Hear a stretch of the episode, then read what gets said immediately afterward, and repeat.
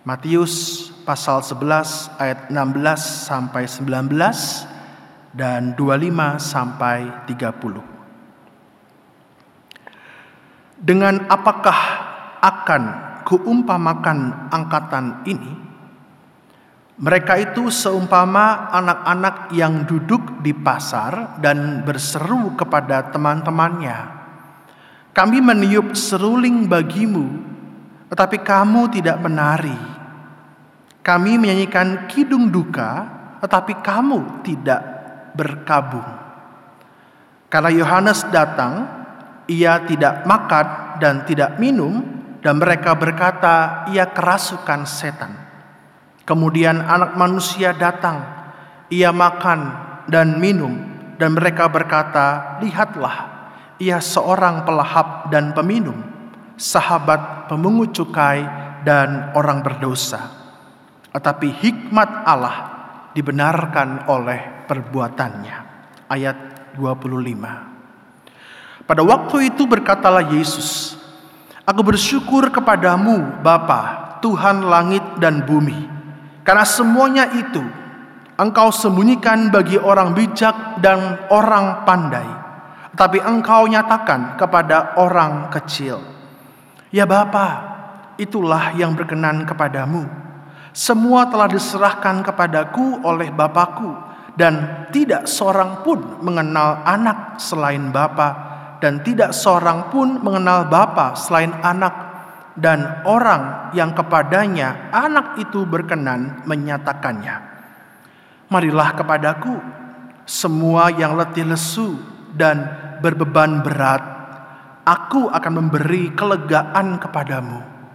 Pikulah kuk yang kupasang dan belajarlah padaku, karena aku lemah lembut dan rendah hati, dan jiwamu akan mendapat ketenangan.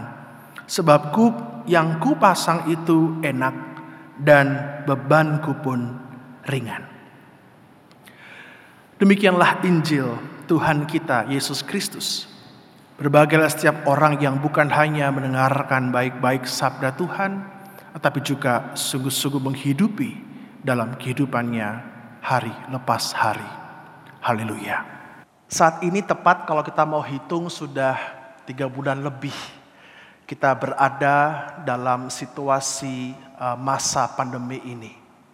Meskipun sekarang di mana-mana sepertinya sudah bersiap-siap memasuki era new normal begitu ya, normal baru. Tapi pada kenyataannya kita mesti akui bahwa ancaman virus itu belum hilang. Pasien masih bertambah. Aturan-aturan protokol baru yang sepertinya kok merepotkan ya. Ke gereja aja harus daftar dulu, masuk gereja mesti ditembak uh, suhunya begitu ya. Lalu cuci tangan, lalu isi data, terima nomor, pilih bangkunya. Wah kok repot sekali. Usia dibatasi, kebiasaan-kebiasaan baru mulai muncul. Sekarang di mana-mana kalau nggak pakai masker diusir, nggak boleh. Terus gimana nggak masker? Beli maskernya dulu, baru boleh masuk. Di mana-mana suhu dicek, ya. Masuk mall suhu dicek, masuk toko suhu dicek, Untung masuk toilet, sudah dicek saudara. Repot. Duduk berjarak di mana-mana. Wah dan sebagainya. Dan belum lagi mau tidak mau semua itu harus kita hadapi. Terlebih lagi dengan setiap rencana-rencana yang sudah kita rancang. Pada akhirnya memang harus ditunda.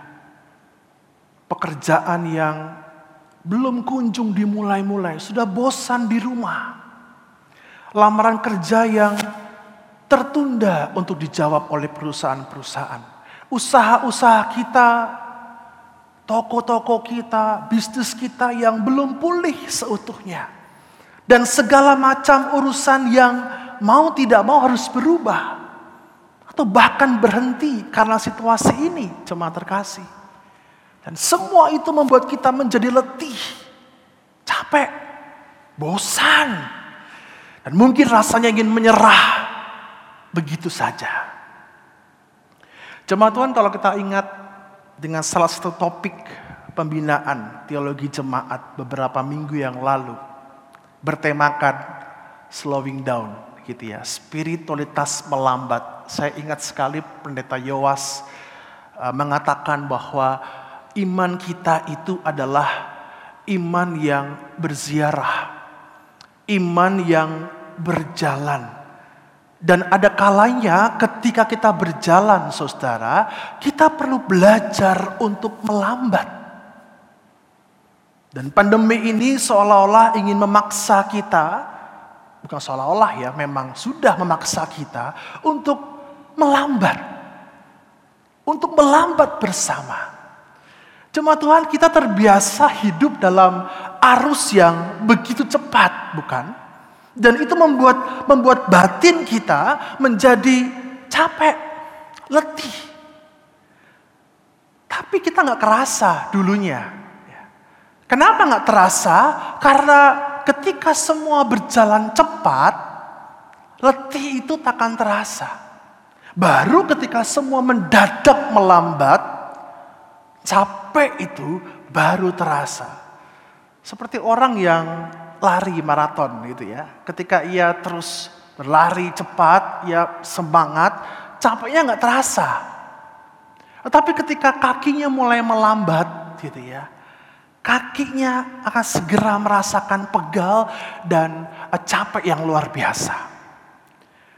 Cuma terkasih dalam Injil kita, Yesus berjumpa dengan orang-orang yang kala itu juga letih. Mereka letih karena eh, hukum-hukum uh, agama kala itu yang sudah menekan mereka. Ritual-ritual keagamaan yang panjang, Eh, polisi-polisi agama melalui orang-orang Farisi yang terus menekan orang-orang itu. Belum lagi lelah karena tekanan hidup mereka, mereka ditambah lagi dengan tekanan keagamaan pada kala itu. Karena itulah kenapa dalam Injil Matius 11 yang tadi kita baca bersama-sama di ayat 16 sampai 19, Yesus menyindir angkatan ini. Mereka Yesus menyindir orang-orang Farisi yang kamu tuh nggak jelas apa tujuan hidup keagamaanmu kalau engkau menekan orang lain? Yesus menyapa mereka yang letih. Yesus menyapa kita yang letih ini dengan sapaan, marilah kepadaku semua yang letih lesu berbeban berat datang. Saudara, kata letih lesu dalam kata Yunani digunakan kapayo. Ya, kapayo yang artinya adalah seseorang yang sudah bekerja sampai payah, sampai lelah. Dan ini sapaan Yesus bagi setiap kita yang saat ini merasakan keletihan hidup yang serba buru-buru ini. Yesus ingin mengajak kita untuk melambat dulu bersama Tuhan. Stop dulu yuk, pelan-pelan dulu. Melambat bersama dengan Tuhan. Untuk apa? Tuhan mengatakan, aku akan memberi kelegaan kepadamu. Kata kelegaan ini digunakan uh, dalam bahasa Yunani, anapau, yang artinya istirahat. Tuhan mengajak kita untuk istirahat dulu. Melambat dulu bersamaku. Tetapi kata anapau ini bukan cuma berarti istirahat saudara. Ada, ada arti lain yaitu masa depan. Ini menarik. Yesus ingin mengajak kita yang letih dalam hidup ini untuk beristirahat dulu, duduk bersama Tuhan, melambat dulu, dan memeriksa ulang arah tujuan kita ke masa depan. Sebab jangan-jangan saudara, selama ini jangan-jangan kita telah tersesat dalam ziarah kehidupan kita dan sudah tidak tahu lagi apa yang mau kita cari dan nggak tahu mau ke mana arah tujuan kita. Kita letih mengerjakan semua hal, berpikir bahwa kita sudah maju berjalan, tapi jangan-jangan sebenarnya kita tidak bergerak ke mana-mana. Seperti orang pakai treadmill gitu ya. Seolah udah lari jauh, tapi sebetulnya diam saja di tempatnya. Dan masa pandemi ini mengajak kita untuk melambat bersama-sama. Gereja diajak untuk melambat, cek ulang programnya. Apa jangan-jangan selama ini gereja terlalu baik program sehingga tidak berjalan ke mana-mana? Kita dipaksa melambat untuk apa? Kembali memeriksa kondisi kita. Mempertanyakan ulang. Jangan-jangan dalam kehidupan kita yang telah kita jalani begitu cepat, ada sesuatu yang kita abaikan, yang baru sekarang kita sadari. Mempertanyakan apa yang selama ini kita abaikan dalam perjalanan kehidupan kita. Mungkin waktu bersama Tuhan. Ketika situasi normal terdahulu, kita begitu sibuk, sibuk dengan pekerjaan, sibuk dengan pelayanan, sibuk dengan segala aktivitas, hingga akhirnya tidak punya waktu bersama Tuhan.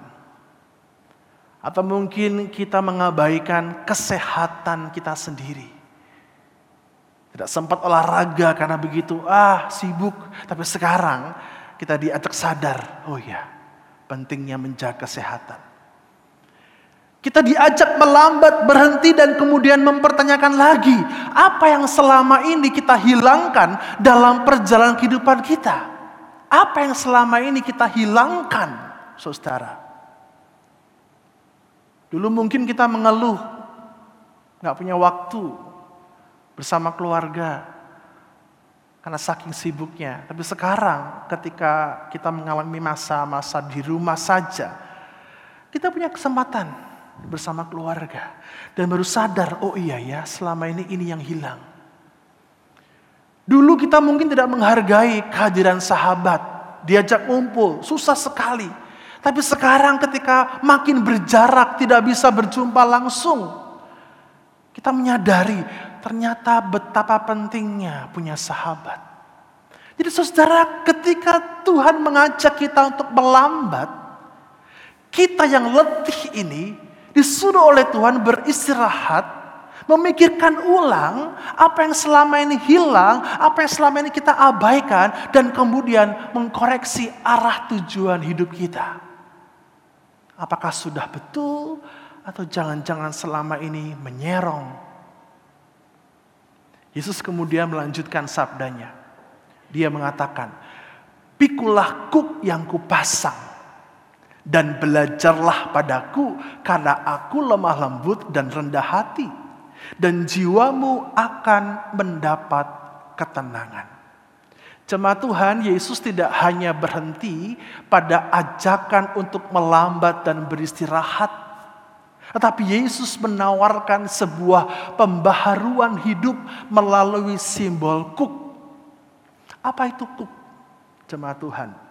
Kuk adalah alat yang berfungsi yang terbuat dari kayu biasanya. Ada dua macam. Ada kuk yang dipakai pada hewan ternak gitu ya. Ada dua, biasanya dua sapi dikasih kuk sehingga dia bisa berjalan membawa beban. Begitu ya, dengan ringan. Tapi juga ada kuk yang biasanya dipikul oleh uh, kalau kita ingat tukang jualan makanan begitu ya. Ada ada kayu dia pikul dan membawa dua beban depannya. Nah, kuk adalah alat yang berfungsi membawa beban agar bisa dibawa dengan baik. Jemaat Tuhan, kuk itu ternyata dipakai oleh bangsa Israel sebagai simbol tanggung jawab, memikul tanggung jawab. Dan juga sebagai simbol ketaatan terhadap sebuah hukum Taurat. Jadi kuk ini bukan sesuatu yang baru bagi orang Israel. Mereka tahu ketika mendengar kata kuk, oh iya, mereka diingatkan harus menjalani hukum Taurat. Mereka diingatkan harus menjalani uh, segala macam uh, ketaatan, tanggung jawab. Kalau tidak, nanti mereka bisa dihukum, diancam dihukum oleh sistem agama kala itu. Nah, Yesus memperbarui makna tentang kuk ini.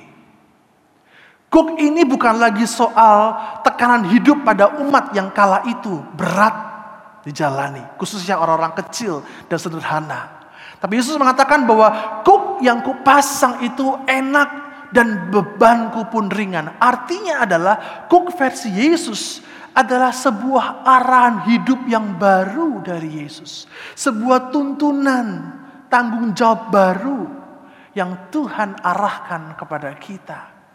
Dan kuk itu tidak lagi menekan, tidak lagi mengancam, tidak lagi mengintimidasi, tapi kuk yang Tuhan Yesus pakaikan kepada kita adalah kuk yang enak. Kenapa enak, saudara? Karena Kristus yang lemah lembut dan rendah hati itu mau berjalan bersama kita. Dia bukan orang Farisi yang dari jauh mengatakan, "Ayo jalan." Itu yang benar bawanya. Kamu salah bawanya. Dihukum kamu. Bukan itu. Tapi Kristus yang mau berada di samping kita dengan kuk yang sama, dia merangkul kita dan mengatakan, "Ayo kita berjalan bersama." Menapaki kehidupan ini. Ayo, aku akan menuntun engkau. Aku akan menggandeng engkau. Kita begitu dikasihi. Kita begitu disayangi oleh Kristus. Hingga dia mau berjalan bersama dengan kita. Ada kalanya ketika kita capek kakinya dan jatuh, Kristus merangkul kita, bahkan mungkin menggendong kita dan mengatakan, ayo berjalan lagi. Kamu capek? Ayo istirahat dulu. Melambat bersamaku. Koreksi lagi. Apa yang salah dari pikulan ini? Ayo. Kristus berjalan bersama kita. Karena itulah saudara, bukankah kehidupan, bukankah ziarah hidup, perjalanan akan jauh lebih ringan jika dilalui bersama, bukan? Yesus menemani kita. Dia mengajak kita yang letih ini untuk kembali menemukan arah hidup. Apa tujuan dan apa yang seharusnya kita cari dalam hidup ini. Karena itulah kenapa Tuhan mengatakan, kuk yang kupasang itu enak, bebanku pun ringan. Dan jiwamu akan mendapat ketenangan. Cuma Tuhan, hidup kita perlu melambat. Tapi tidak selamanya melambat Jalan kita tetap harus perlu dilanjutkan. Tapi tidak harus selalu tergesa-gesa. Hidup kita perlu melambat. Agar kita bisa kembali memeriksa arah tujuan. Apakah sudah benar atau malah tersesat. Hidup kita perlu melambat agar kita bisa mengganti kuk yang selama ini kita pakai dengan kuk yang Yesus pasang. Dan kita bisa belajar berjalan bersama Yesus. Belajar percaya pada janjinya. Belajar beriman pada penyertaannya. Belajar berjalan setapak demi setapak bersama dengan Yesus. Itulah kabar baik bagi setiap kita yang letih.